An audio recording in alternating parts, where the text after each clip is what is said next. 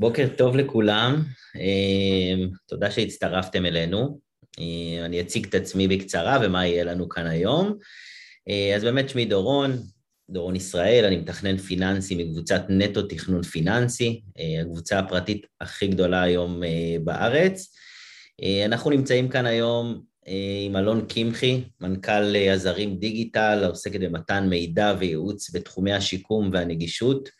ומפעילה את עזרים, מאגר המידע הישראלי לטכנולוגיה מסייעת. ובוובינר כאן היום אנחנו נמצאים גם עם אמיר כהנוביץ', כלכלן הראשי של חברת אה, הפניקס ואקסלנס, אה, שידבר איתנו קצת על סקירת שוק, יהיה מאוד מעניין. אה, מי שלא יצטרף אז תהיה גם הקלטה, בכל שלב אתם מוזמנים לשאול שאלות כאן למטה ב-Q&A, אנחנו נשתדל לענות לכולם. אמ, לאחר מכן אנחנו נדבר קצת על הטבות מס, אה, אז הולך להיות מעניין. אה, זמיר, אתה יכול אה, להצטרף אלינו ונתחיל.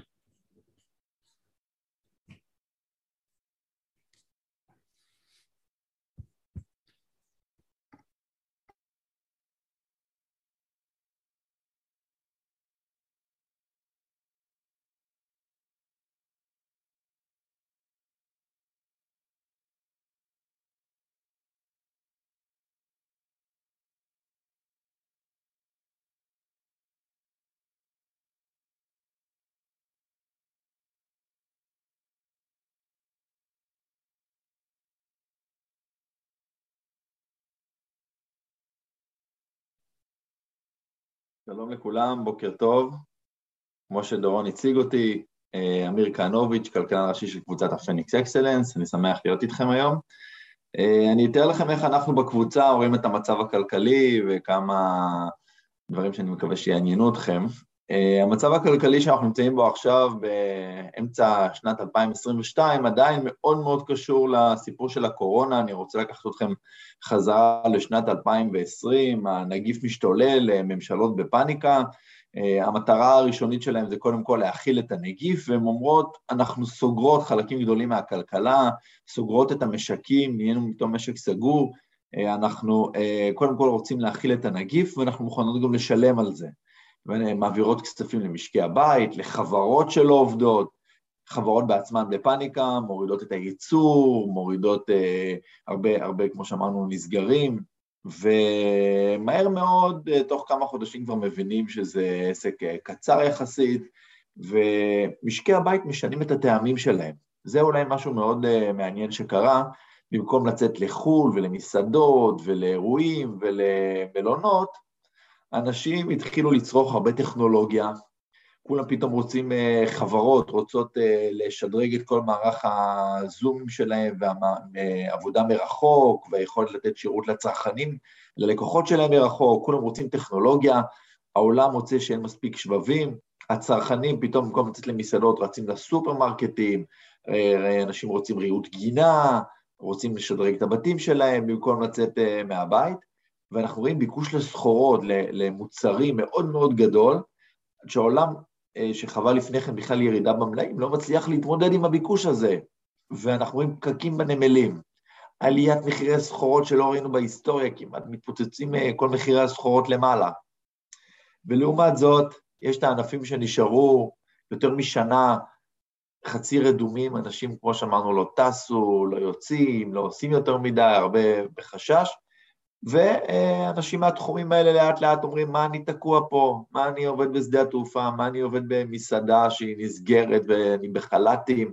והתחילו לחפש את עצמם, הלכו לטכנולוגיה, הלכו לענפי ייצור, הלכו, הלכו למקומות האלה, ובאמת פתאום בחודשים האחרונים אנחנו רואים מהפך.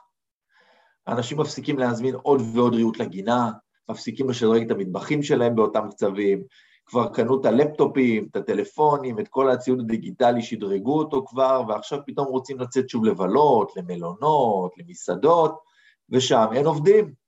פתאום אין עובדים בשדות תעופה, אין, אין מורים, אין גננות, כולם חיפשו את עצמם בהייטק ובכל מיני מקומות, אה, לא דווקא כמתכנתים, אלא ככל מיני תפקידי מעטפת, ואנחנו רואים היום עודף עובדים בהרבה מענפי הייצור, וחוסר בעובדים בחלק מענפי השירותים, שבמיוחד קשורים לתיירות ולפנאי וכו', והעולם פשוט לא מאוזן. אנחנו רואים חוסר איזון מאוד מאוד בולט בהרבה ענפים, אה, והחוסר איזון הזה, אם בהתחלה הוא יצר לנו אינפלציה מאוד מאוד חזקה מתחום המוצרים, אז עכשיו אה, זה עובר לתחום השירותים, האינפלציה, אנחנו רואים שוב עלייה אה, מאוד גדולה במחירים שקשורים לתחום השירותים, אבל לצערנו הירידה במחירי המוצרים, שהתחילה בעולם אגב, תכף אני אראה לכם קצת גרפים, היא עדיין לא משמעותית, בין היתר כי פתאום רוסיה פלשה לאוקראינה ודחפה עוד פעם את מחירי הסחורות למעלה, מחירי סחורות חקלאיות, מתכות ובמיוחד אנרגיה, שפתאום חסמה גם את האנרגיה לאירופה, וסנקציות על רוסיה, שהיא ואוקראינה הם אומנם כלכלות קטנות, אבל המשקל שלהם בשוק הסחורות הוא מאוד גדול, ככה שאנחנו עדיין סביב הרבה מאוד מאוד זעזועים. אם הבנקים המרכזיים, בהתחלה של כל הבלגן הזה, אמרו, תקשיבו, זה זמני, זה הולך להסתדר תכף, הביקוש, ההיצע, יתחילו להתאים את עצמם והאינפלציה הזאת תירגע, אנחנו לא נעלה ריבית אה, סתם בשביל לעשות נזקים. אני אזכיר לכם שהעלאת ריבית יוצרת הרבה נזקים. היא גם חונקת את הצרכן, שפתאום מוצא את עצמו עם הרבה פחות כסף פנוי אחרי שהוא משלם את כל ההלוואות שלו למשכנתאות בחו"ל, או לכל מיני אה, הוצאות אחרות. הוא חונק את החברות, שפתאום עלויות המימון שלהם מתייקרות, ויש הרבה חברות שלקחו הלוואות והן צריכות לגלגל את החובות האלה. אז פתאום עלויות המימון שלהם מתייקרות, ופתאום הרבה השקעות נראות להם לא כדאיות עם כל העלויות מימון האלה. אה, זה מייקר, אה, זה גם פוגע בשווי של נכסים ברגע שמעלים את הריביות, כי כל השיטה של תמחור של שווי של נכס מתבסס גם על ריביות, זה נקרא שיעורי היוון. אז ברגע שהריבית עולה, זה מאט את הכלכלה. אבל הבנקים המרכזיים היום בגישה אחרת, זה לא מה שהיה פה שנה שעברה.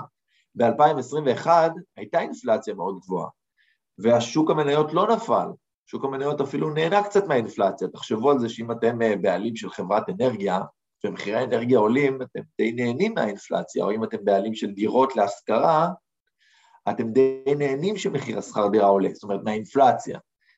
מה אתם לא אוהבים? שהריבית עולה, ובאמת זה מה שקורה לנו השנה, יש אינפלציה, אבל הפחד מהריבית שעולה ופשוט חונקת את הכלכלה ועוצרת אותה, זה מה שמטריד את השווקים היום, ונראה בהמשך שוק המניות כבר מגיב לחשש הזה, שוק המניות כבר נפל בצורה מאוד חדה מתחילת שנה, במיוחד בארצות הברית, פחות בישראל, במיוחד במניות הטכנולוגיה, ששם באמת ראינו איזושהי התעוררות והבנה ש...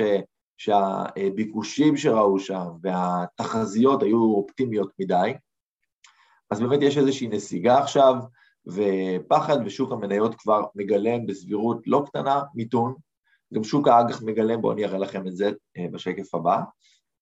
אז אנחנו נמצאים היום באיזשהו, באיזשהו צומת, איזשהו נקודת אה, מעבר, מצד אחד מאחורינו אינפלציה מאוד מאוד גבוהה, בארצות הברית מעל 9% שנה אחורה, בראייה קדימה, האטה, האטה מאוד משמעותית כנראה, וירידה אפילו באינפלציה משמעותית גם כן.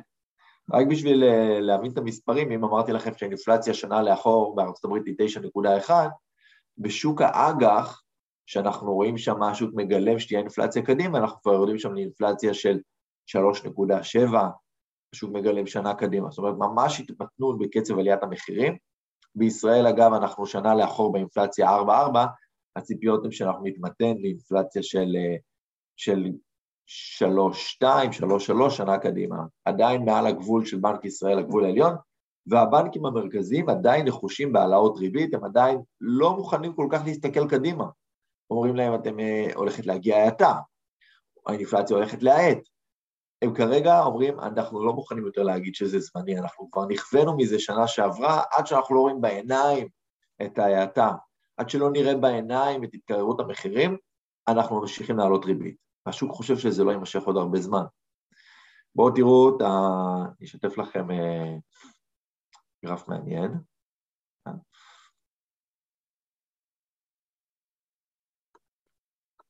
הנה.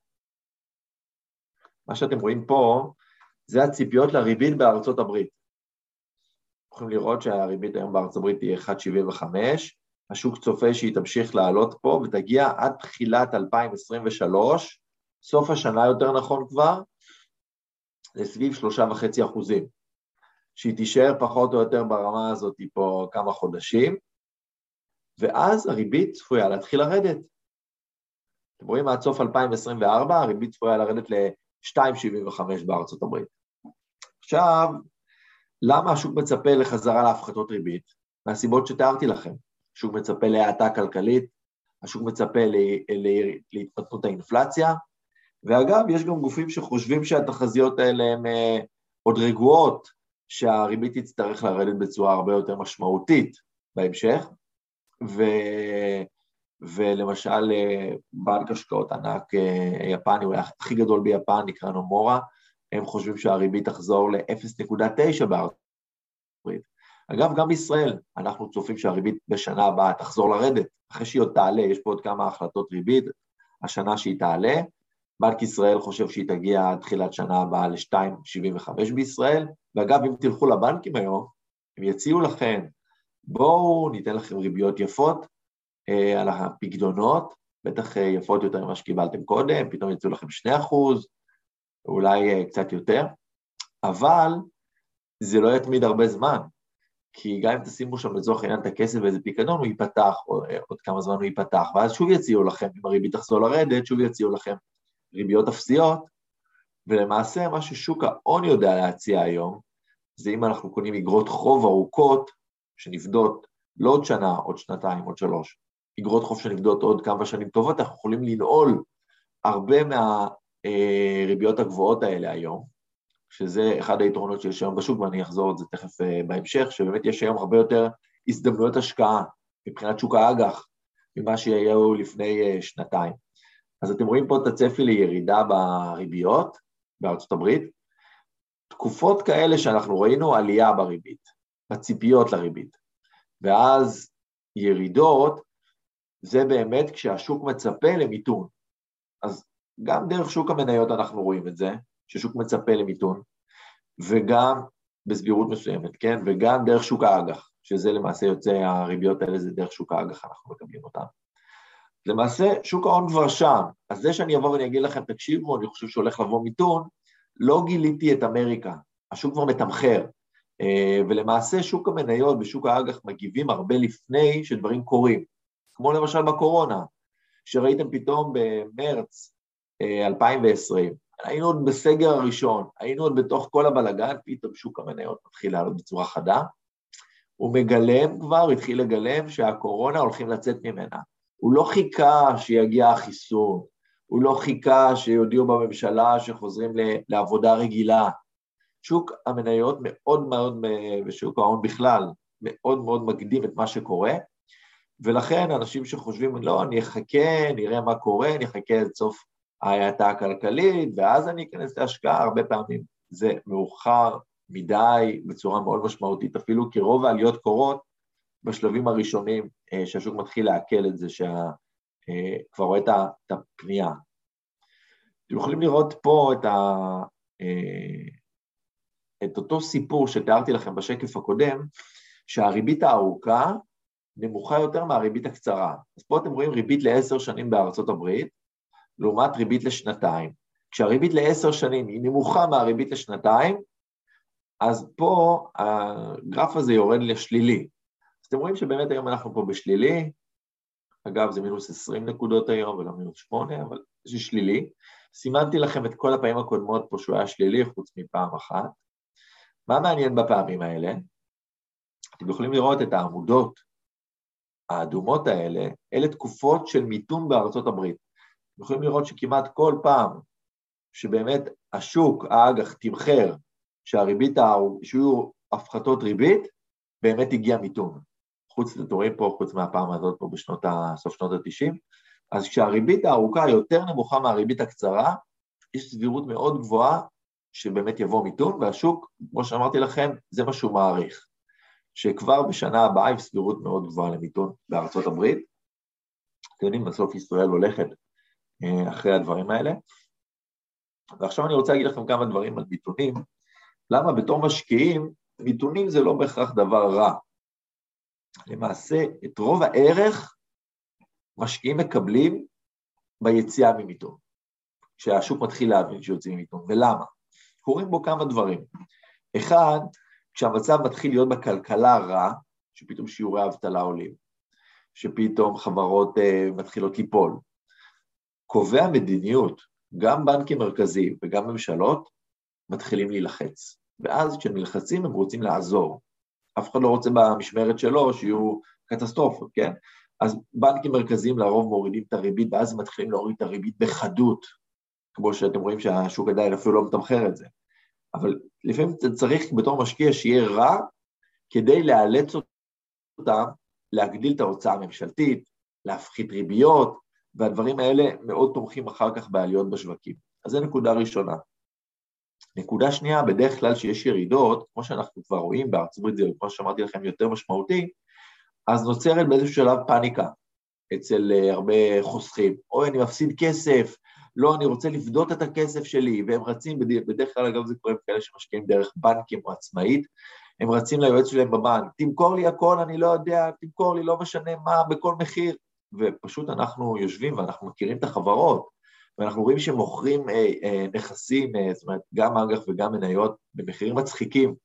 זה אומר חברה שאמורה לשלם את החוב שלה אה, עוד, אפילו תקופה קצרה לפעמים, עוד כמה חודשים, והיא מציעה שם ריבית של עשרה אחוזים, הוא אומר, תמכור לי את זה בכל מחיר, תמכור את זה גם בשקל, רק תמכור את זה. והם הולכים לשלם את הכסף, אנחנו מכירים את הדוחות שלהם, אנחנו יודעים כמה כסף יש להם בחשבון, אבל אנשים מוכרים בפאניקה, תמכור לי בכל מחיר, לא משנה.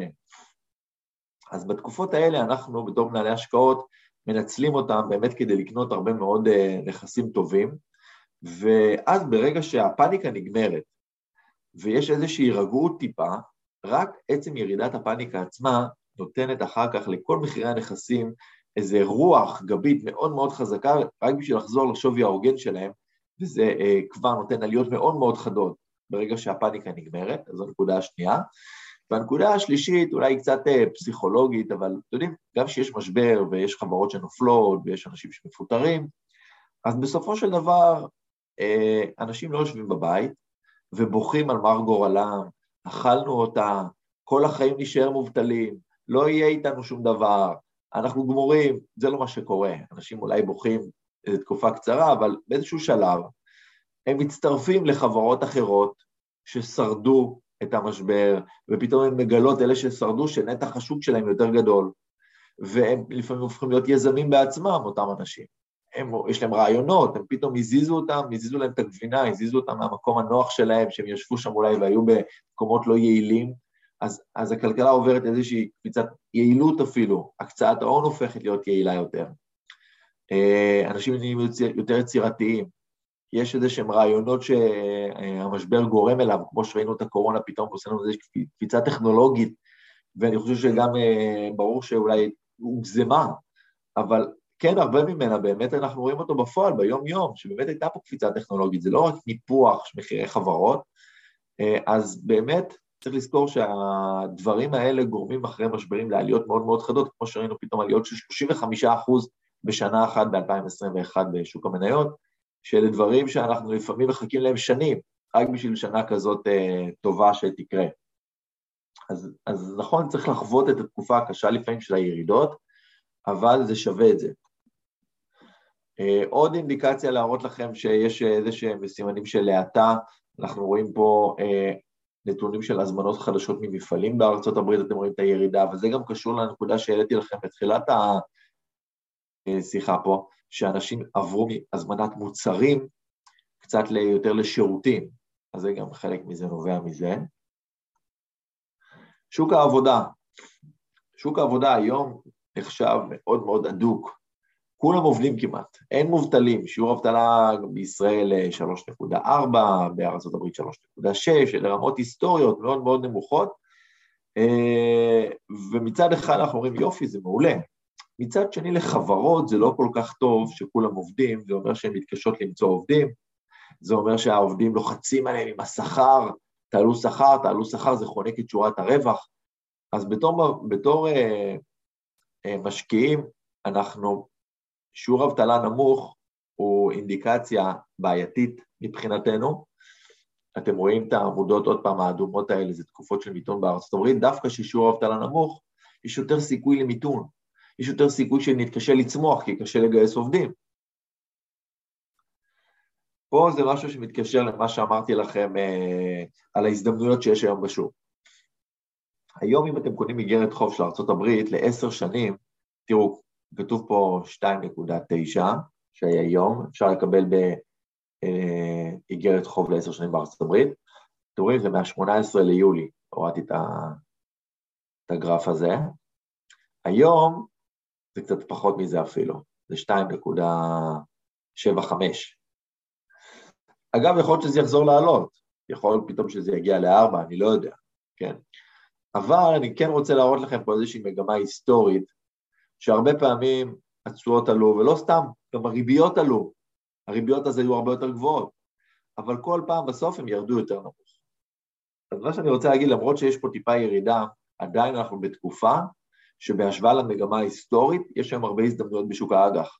זה גם אגב משהו שאנחנו בפניקס עושים היום, אה, בתקופה האחרונה, אנחנו הולכים וקונים אגרות חוב בתשואות הרבה יותר גבוהות ממה שהיה פה לפני, רואים, אם הייתם מנסים לקנות בשנת 2020 אגרת חוב אפשר, זאת אומרת לעשר שנים, הייתם מקבלים פה 0.6, 0.7, אנחנו באמת היום אה, בתקופה טובה לבצע השקעות, מקבלים פה, ופה תזכרו שאג"ח הממשלתי זה לא כמו אג"ח של חברה, שיש פה איזשהו סיכון שהחברה הזאת אה, אולי לא תחזיר את הכסף באיזשהו שלב. באג"ח ממשלתי, בטח של ארה"ב, יש פה סיכוי של 100% שנקבל את הכסף חזרה, אז היום אנחנו כבר יכולים לבנות ללקוחות שבאים אלינו תיקים הרבה יותר טובים ממה שיכלנו לקנות, אה, לבנות לפני שנתיים. קצת על שוק המניות, הריבית עולה, וריבית עולה, כמו שתיארתי לכם, זה בעיה. זה פוגע בצרכן, זה פוגע בחברות, זה פוגע בשווי. על פניו, שוק המניות צריך ליפול, כן? זה וקטור שלילי. אגב, גם שוק הנדל"ן למגורים. אם אתם תסתכלו על דירות, תגידו, אוקיי, מחירי הדירות עכשיו צריכים לרדת, כי הריבית עולה. מי שרוצה לקחת משכנתה יראה מולו החזרים הרבה הרבה יותר גבוהים. אה, יראה גם שההכנסה הפנויה שלו יותר נמוכה מהוצאות אה, מימון אחרות אולי שיש לו, כמו אה, חבר'ה צעירים בעיקר, יש להם עוד הוצאות מימון, חובות סטודנטיאליים, ליסינג, כל מיני הוצאות מימון, כרטיסי אשראי, אני לא יודע מה, במיוחד בחו"ל אגב. אז נכון שהעלאת ריבית היא וקטור שלילי, גם על מחירי הנדל"ן וגם על מחירי המניות, אבל כשאני לוקח אתכם אחורה בהיסטוריה ואני לוקח אתכם לראות אה, העלאות ריבית קודמות, בואו תסתכלו בארצות הברית, סימנתי לכם פה במלבן ירוק את העלאות הריבית הקודמות. פה העלאת ריבית משמעותית בין 2015 ל-2018 בארצות הברית, גם אה, פה הייתה העלאת ריבית משמעותית בתחילת המילניום, אבל מה קרה בתקופות האלה ל-S&P 500? הוא עלה. למעשה, אם אני מסתכל פה כמה יש? 30 שנה האחרונות, כל פעם שהייתה העלאת ריבית, שוק המניות דווקא עלה. מה שאני בא להגיד זה לא שהעלאת ריבית תומכת בעליות בשוק המניות. הפוך, אני אמרתי לכם קודם שהעלאת ריבית היא וקטור שלילי על שוק המניות. אבל היא לא הוקטור היחיד. יש עוד דברים שמשפיעים על אה, מחירים של נכסים, כמו אג"ח, כמו מניות, וזה גם הרווחיות. אז אם אני לוקח אתכם שוב לשוק הנדל"ן, כי אני אוהב להדגים דרכו את הסיפור הזה, כשהריבית עולה, אז בן אדם שבאמת בא לקחת משכנתה לצורך העניין, הוא בא לבנק והבנק אומר לו, תקשיב, אני יודע שאמרתי לך שההחזרים החודשיים שלך היו נגיד 7,000 שקל בחודש, אבל עם כל העלאות ריבית האלה זה עולה עכשיו ל-8,000 שקל בחודש. בן אדם נבהל, מה זה עכשיו, 8,000 שקל בחודש? אה, זה, זה ממש כאילו פוגע ב... לא, לא שווה לי לשלם על הבית כל כך הרבה. מצד שני, יש, יש פה עוד, עוד אה, צד, מה עם שכר הדירה שאותו משקיע יכול לקבל? לפני כן הוא הזכיר את הבית הזה לפני שנה, שנתיים, ב-7,000 שקל, פתאום עכשיו מציעים לו 10,000. אז ההכנסה שלו מהבית עלתה מ-7,000 ל-10,000, ב-3,000 שקל. אז זה שעלויות המימון שלו עלו מ-7,000 ל-8,000, לא בהכרח שהכדאיות מבחינתו לדירה ירדה, זאת אומרת לא בהכרח שמחיר הדירה צריך לרדת בנקודת מבט שלו כמשקיע. אגב, גם מישהו שחשב לקנות דירה למגורים, אז אומרים לו, אוקיי, עלה לך המשכנתה, תעלה לך במקום 7,000 ו-8,000 בחודש. אוקיי, אז אולי אני אשאר בשכירות, אבל מה קרה לשכירות שלו? התייקרה מ-7,000 ל-10,000, אז עוד יותר עכשיו כדאי לקנות בית, כן? שווה לו לשלם יותר על הבית אפילו, ביחד לאלטרנטיבה שלו כסוחר. אותו דבר לגבי שוק המניות. זה שהריבית עולה, היא לא מבטיחה לנו שהירידות בשוק ההון ימשיכו, הרי תראו מה קרה בחודש האחרון. שוק המניות עלה, בישראל עלה ב-8% מאמצע אה, המדד 100, אה, תל אביב 125, עלה ב-8% מאמצע יוני עד היום. למה הוא עלה כל כך הרבה? הרי עליות הריבית אה, רק התחילו ועוד יימשכו. איך הוא עולה שוק המניות אל תוך העלאות הריבית? כי יש גם דיווחים של חברות, ואנחנו מקבלים עכשיו, בימים האלה, את התוצאות שלהם לרבעון השני, שנגמר בסוף יוני. אז אנחנו רואים בדוחות שלהם שהרווחים שלהם עולים. אז שורה תחתונה, זה שהריבית עולה, היא מכבידה עליהם. ברור שאם הריבית הייתה יורדת, יכול להיות שהמחירים היו עולים עוד יותר, מחירי המניות. אבל צריך לזכור שיש פה עוד אספקטים, זה לא הדבר היחיד, זה, ה, אה, זה הריבית, יש פה עוד, ובהקשר הזה אני רק אגיד, באמת, העניין של תזמון הוא מאוד מאוד אה, בעייתי, כי יש פה באמת הרבה וקטורים, וגם אם תצליחו לחזות וקטור אחד, זה לא אומר שתצליחו לחזות את הוקטור השני, והעולם הזה הוא עולם של אי-ודאות. מה שאנחנו כן יודעים, שלאורך שנים, בסופו של דבר, החברות מרוויחות כסף, ובן אדם שקונה חברה אה, מכל סוג, כל חודש נכנס לו כסף מאותה חברה שמרוויחה, ובנוסף, אם אנחנו נמשיך לראות בשנים הקרובות תופעות שראינו בשנים שלפני כן, שהגידול בחיסכון של הציבור הוא מהיר יותר מהגידול במספר הנכסים שאפשר להשקיע בהם. זה לא רק בנדל"ן, שאומרים, אה, אין מספיק דירות, אין מספיק חברות תרופות, אין מספיק חברות אנרגיה, אין מספיק חברות הובלה, אין מספיק חברות, ואנשים ממשיכים לחסוך ולחסוך ולחסוך, והיקפי החיסכון בעולם עולים מהר יותר כבר כמה עשורים מכמות נכסי ההשקעה, וזה גורם לנו בנוסף לרווחים של החברות שאנחנו מקבלים אותם, גם לקפיצה של יותר מדי אה, חוסכים על כל נכס, ואז הערך שלו גם יוצא לנו רווחי הון. זאת אומרת, כמו שדירה, אנחנו לא מקבלים רק את שכר הדירה ממנה, אלא גם את העליית ערך שלה, גם בשוק המניות זה אותו דבר. לא רק מקבלים את הרווחיות, אלא גם מקבלים את העליית ערך שלהם. בהקשר הזה אני אגיד לכם, אה, אנחנו בפניקס מאוד מאמינים בדירות להשכרה. אנחנו מחזיקים עשרות אלפי דירות בעולם להשכרה, בישראל שוק הזה קצת יותר בעייתי, לקנות uh, כמויות, אנחנו לא קונים אחד-אחד כמובן, uh, וזה נראה נכס מדהים. אבל אני אגיד לכם שגם uh, כבישי אגרה, שאנחנו מחזיקים הרבה כבישי אגרה, כביש 6 למשל, או כבישים בעולם, כביש אגרה זה גם נכס מדהים, יכול להיות נוסעות, הכסף נכנס, ושדות סולאריים זה נכס הכי מדהים, כי לא משנה מה קורה, למשל כביש אגרה, פתאום בקורונה לא נסעו לנו בו, או בבתים, אז קורה לפעמים אנשים מובטלים, אז המחירי הבתים יודעים לרדת גם, כמו שראינו בסאב פריים, שדות סולאריים, מושלם. יש לנו התחייבות מחברת חשמל שהם קונים מאיתנו חשמל, אנחנו רק צריכים שתהיה שמש, והכסף נכנס. חברות תרופות, עוד יותר מדהים. אנשים תמיד צריכים תרופות, נכון? מה הם יעדיפו אם יש להם כסף לשלם על התרופה, או לשלם על uh, משהו אחר? תמיד התרופה היא תהיה בעדיפות. אז אולי תהיה חברות, חברות תרופות. מה שאני מנסה להגיע אליו, שבסוף יש הרבה סוגים של נכסים שנראים מאוד טוב שאנחנו מסתכלים עליהם, אבל לכל אחד מסוגי הנכסים יש גם תרחישים שבו הוא נופל. פתאום בחברת תרופות שלנו יגלו שיש שם איזה משהו שגרם לנזק, פתאום יגלו שחברת תרופות אחרת המציאה משהו, פיתחה משהו יותר טוב. פתאום, כמו שאמרתי לכם, כביש 6 שבקורונה פתאום לא נסעו לנו בו. פתאום בשוק אה, הנדל"ן מגלים שיש איזה שהם אה, אה, הוראת חוק חדשה שצריך לשלם אה, מס מהשקל הראשון על שכר דירה, ופתאום הרווחים שלנו שם ייפלו, כן? אז כל מיני דברים יכולים לקרות לכל סוג של אפיק נכסים, ובגלל זה השיטה הכי טובה בניהול השקעות היא לפזר. גם בין ענפים, גם בין מדינות.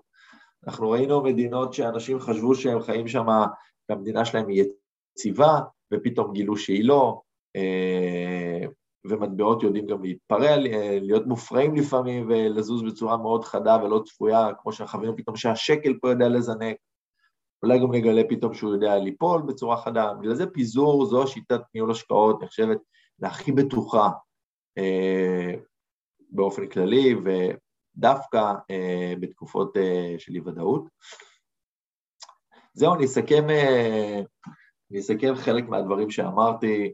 אנחנו כרגע רואים פה, חילקתי את זה לשני חלונות זמן. כרגע אנחנו בחלון הראשון, כתבתי שנה קדימה, אבל אל תתפסו אותי קלנדרית, כן? זה בגדול, אנחנו רואים פה עדיין אינפלציה קדימה גבוהה, כי יש הרבה מאוד העלאות מחירים שעדיין צריכות להתגלגל פה למחיר, ל, ל, אה, להתגלגל לצרכן. למשל, עליית מחירי החשמל לא צפויה להגיע אלינו, לא כולה הגיעה.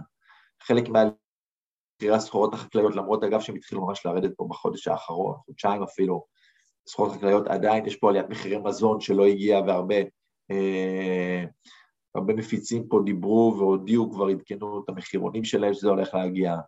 תעריף המים הולך לעלות בגלל שמחיר החשמל עלה. ואחרי שהמים והחשמל יעלו, אז הארנונה תתעדכן, כי גם היא לפי נוסחה.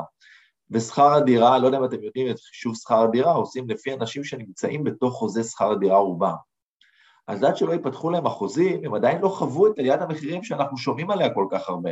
אז רק שהחוזה שכר דירה ייפתחו, הרבה אגב נפתחים בקיץ, אה, נתחיל לראות אולי במדדים של יולי, במדדים של אה, אוגוסט, תמיד זה בחודש עיכוב מפורסם, אנחנו נתחיל לראות יותר אה, חוזי דירה שייפתחו, נראה את העליות מחירים שלהם, זה יתבטא, יתבטא במדד המחיר לצרכן, ואז כשבנק ישראל יבוא ויראה מה זה המדד המחיר לצרכן גבוה, האינפלציה לא נרגעת, הוא יעלה עוד ועוד את הריבית שלו, כן? אנחנו אפילו חושבים שהריבית פה תעלה אה, יותר ממה שבנק ישראל חושב, הוא חושב 2.75, אנחנו אפילו אומרים, יכול להיות שהיא תעלה פה אפילו ל-3 אחוז, אולי קצת יותר, אבל שוב, כל זה בחלון זמן קצר.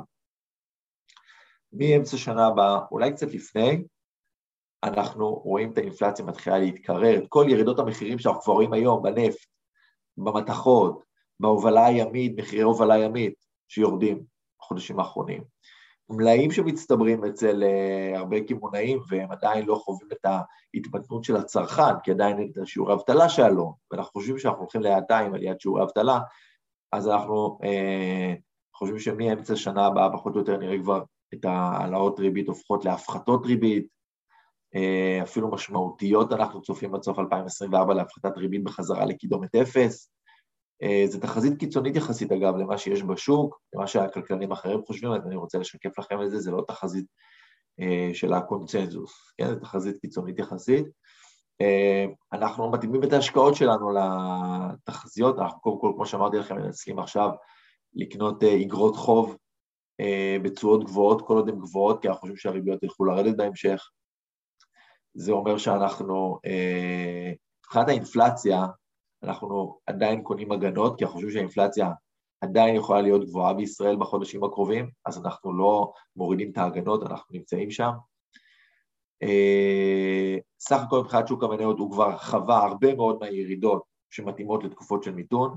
אני לא אגיד לכם שאנחנו בשפל, יכול להיות שהירידות שוב יחזרו, אבל אני חושב שהרבה כבר מגולם בשוק. אז למצוא את הנקודה עצמה בכל אחד מהמקומות האלה ולהגיד הנה זה הפנייה או זאת הפנייה, אנחנו לא נדע, אבל תמיד צריך לזכור שהכלכלה היא מחזורית ו... אה, והדברים גם שנראים רע, אז הם מתהפכים אחר כך והופכים, כמו שתיארתי לכם, לטוב, אה, וטוב גם הופך להיות רע, וזה חלק מהחיים בשוק ההון, וזה חלק אה, אה, שכל אחד מכם צריך לדעת מה המאפיינים שמתאימים לטווח השקעה שלו, להרגשה שלו, שהדברים הם זזים ויוצרים לו אי נוחות, אז יש מסלולים שהם פחות מודדים, יש כאלה שהם יותר, כל אחד צריך להתאים את עצמו. מה שחשוב הוא לא לבצע שינויים בתקופות של פאניקה. זה מאוד טוב לבצע שינויים אה, אם אתה פתאום חושב שטווח ההשקעה שלך הולך להיות קצר יותר, או שאתה חושב שטווח, את או אתה חושבים שטווח,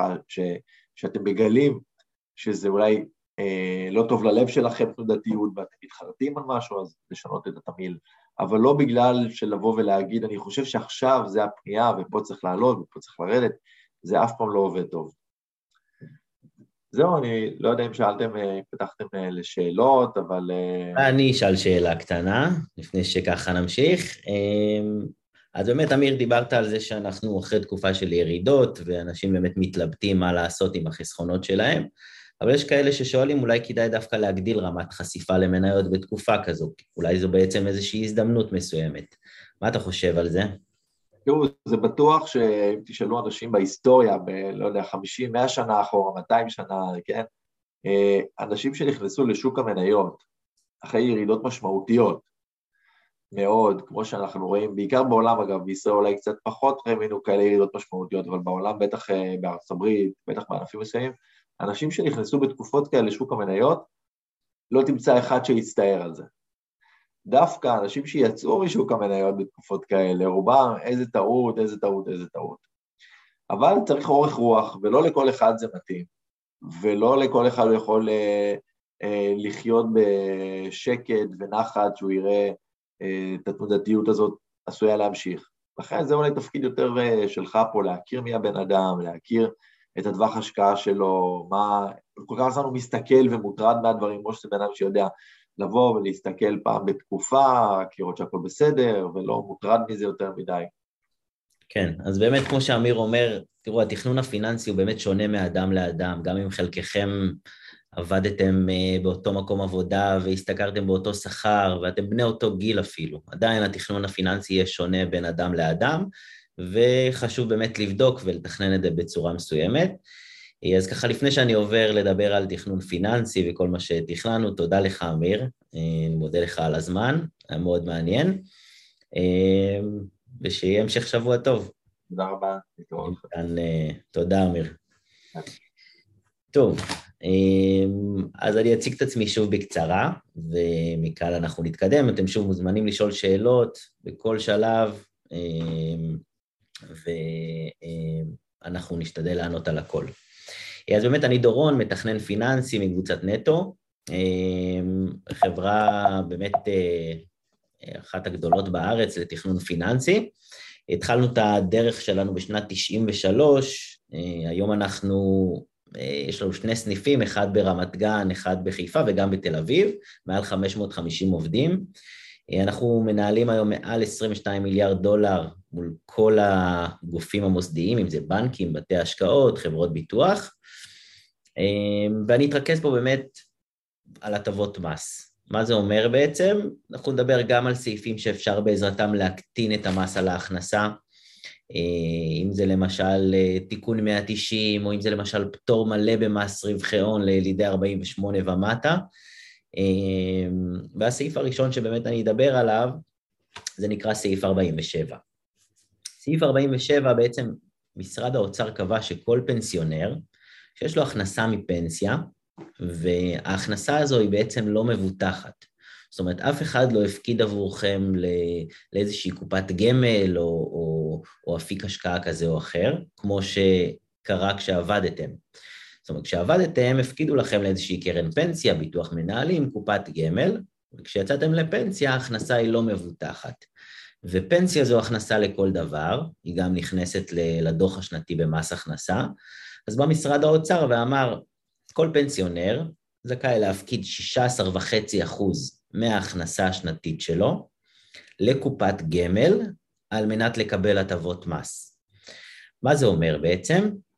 פה לקחתי לדוגמה אדם שלצורך העניין מכניס 17,800 שקלים לחודש, רק לצורך הדוגמה. עכשיו, אם הוא יפקיד את המקסימום, שזה 35,000 שקלים, 35,244 שקלים, בשנה, זה המקסימום בשנה, הוא יחסוך מעל 11,000 שקלים במס הכנסה כל שנה.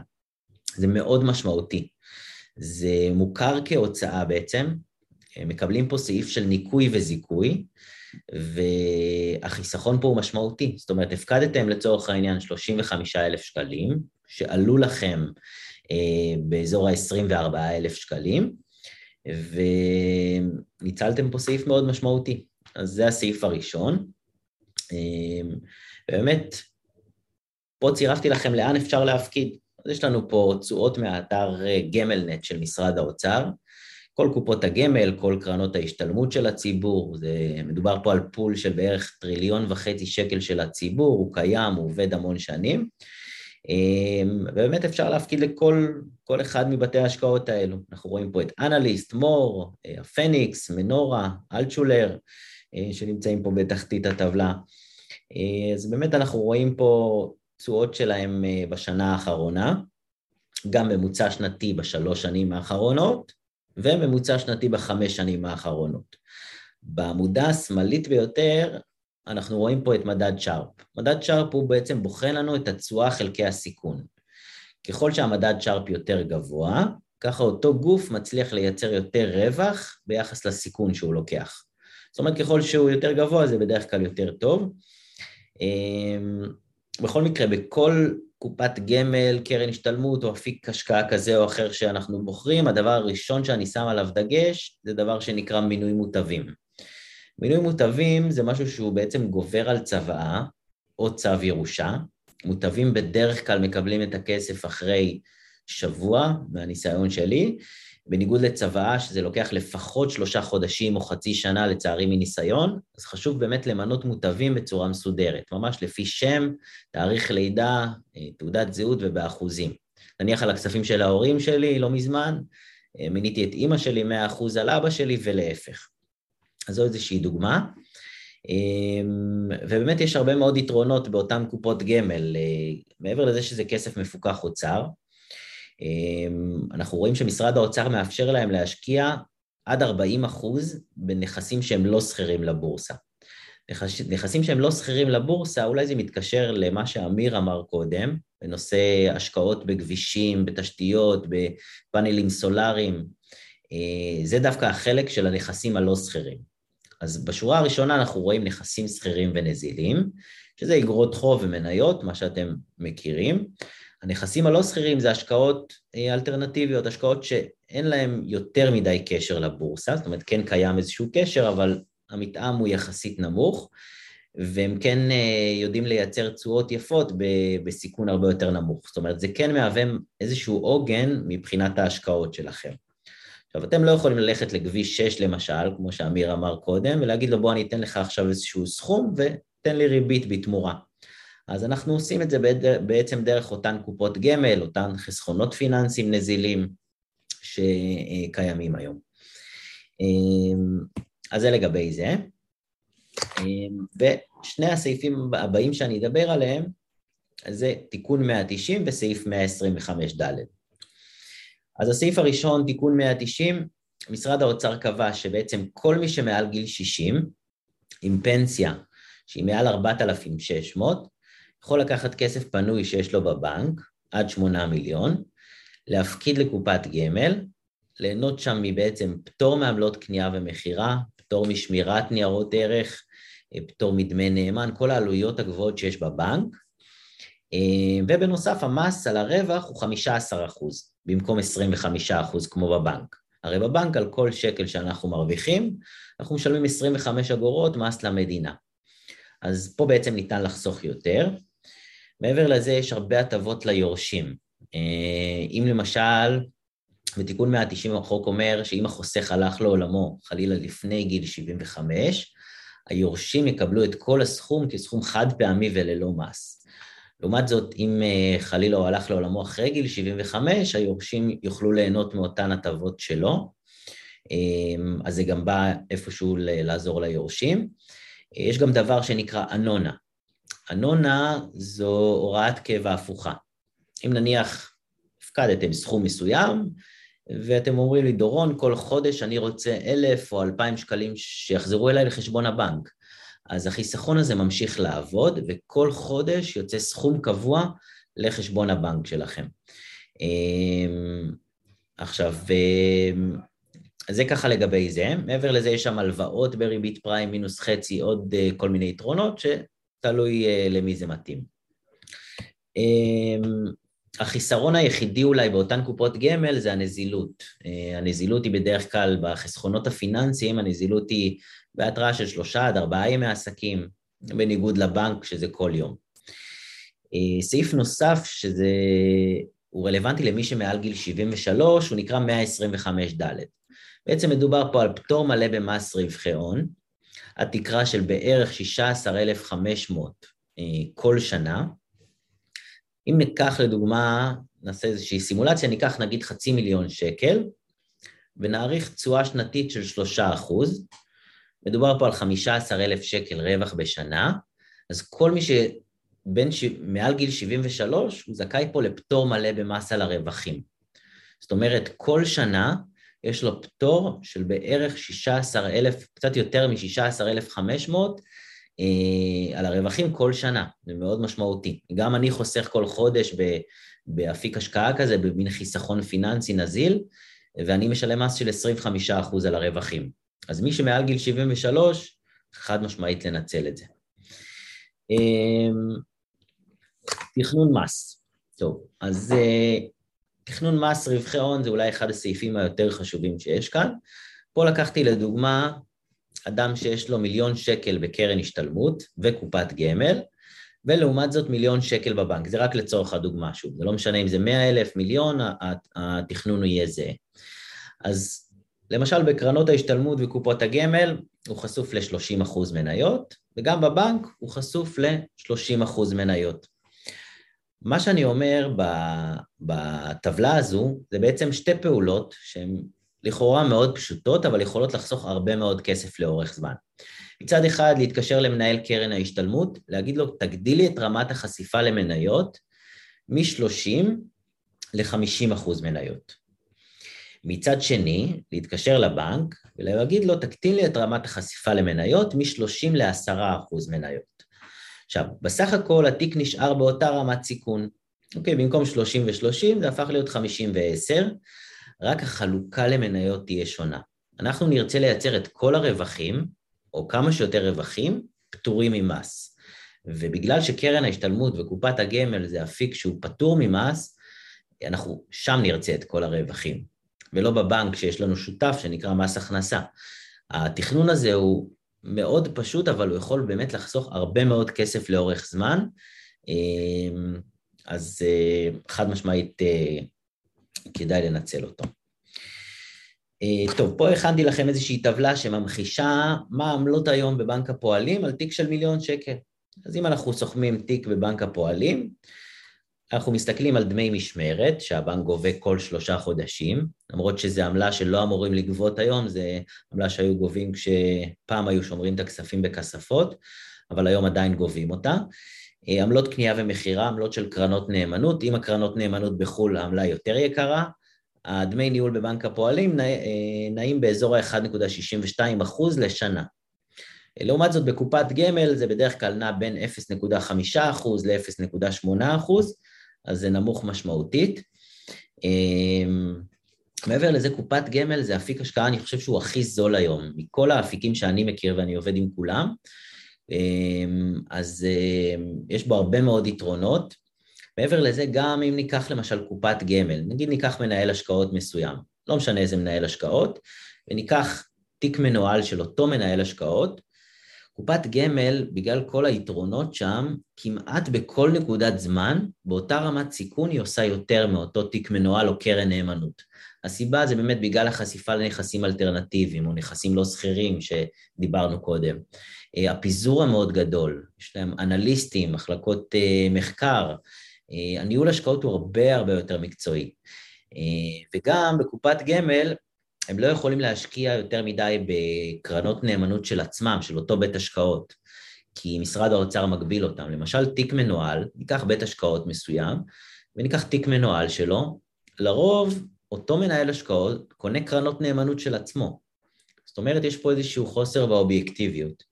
אה, בקופת גמל זה לא ככה, בגלל שזה כסף מפוקח אוצר, קיים המון שנים, אה, זה ממש פול של טריליון וחצי שקל של הציבור, קיים, עובד המון זמן, אז יש בו הרבה מאוד יתרונות שאין במקומות אחרים.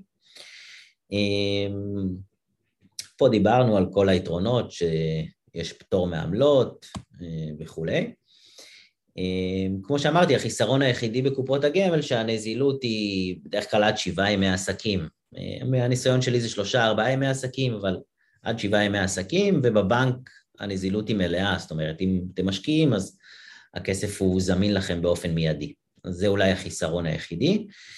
אמ, טוב, הדבר אולי באמת האחרון שנדבר עליו כאן, אני גם לא רוצה להעמיס יותר מדי נושאים, זה השקעות אלטרנטיביות. אז באמת אה, ההשקעות האלה בנכסים שהם לא שכירים, נכסים אלטרנטיביים, הם מצד אחד, יש להם מתאם נמוך לבורסה, גם אם שוק ההון יורד, לא בהכרח הן נפגעות, אה, גם יש להם ועדות השקעות פנימיות אה, ומפוקחות, והיום אפשר להשקיע גם סכומים נמוכים בהשקעות אלטרנטיביות, שבעבר זה לא היה אפשרי, רק גופים מוסדיים ולקוחות גדולים או לקוחות כשירים היו יכולים להשקיע. והחיסרון היחידי בהשקעות אלטרנטיביות שהן לא נזילות. זאת אומרת, בדרך כלל השקעות אלטרנטיביות הן סגורות לשלוש, ארבע, חמש שנים, כל השקעה והאופי שלה. וצריך לקחת את זה בחשבון, זאת אומרת, אם אפשר לקחת סכום ולסגור אותו לפרק זמן מסוים, אז כן, יש פה לא מעט דברים מעניינים. היתרון הנוסף בהשקעות אלטרנטיביות, שאפשר להשקיע אותם דרך קרן השתלמות או קופת גמל. מה זה אומר? אפשר לקחת קרן השתלמות למשל, ולהשקיע אותה בהשקעה אלטרנטיבית, שאותה השקעה היא באמת אה, אה, אה, תושקע באותה, באותו מרכיב, וכל הרווחים יהיו פטורים ממס. זאת אומרת, מצד אחד העולם האלטרנטיבי, גם של בתי ההשקעות הגדולים, הוא בדרך כלל נותן ממה שאני מכיר בין 7 ל-9 אחוז לשנה, ואותן תשואות פטורות לחלוטין ממס רווחון. שזה מאוד משמעותי. אה, אז כמו שאמיר אמר גם קודם, כדאי לפזר את ההשקעות, לא לשים הכל במקום אחד. גם אני לא מציע לשים הכל בבית השקעות אחד, תמיד לפזר. וזה אה, ככה, אלה ככה הדברים שרציתי לעבור איתכם עליהם, ואני שמח שכל מי שהצטרף אה, קיבל ערך מוסף. אנחנו נהיה זמינים כמובן, ניצור איתכם קשר אם, אם צריך. אנחנו בקשר עם אלון, ואני מאחל לכולם שבוע טוב. שמחתי לפתוח את השבוע ככה, אני מקווה שנהנתם.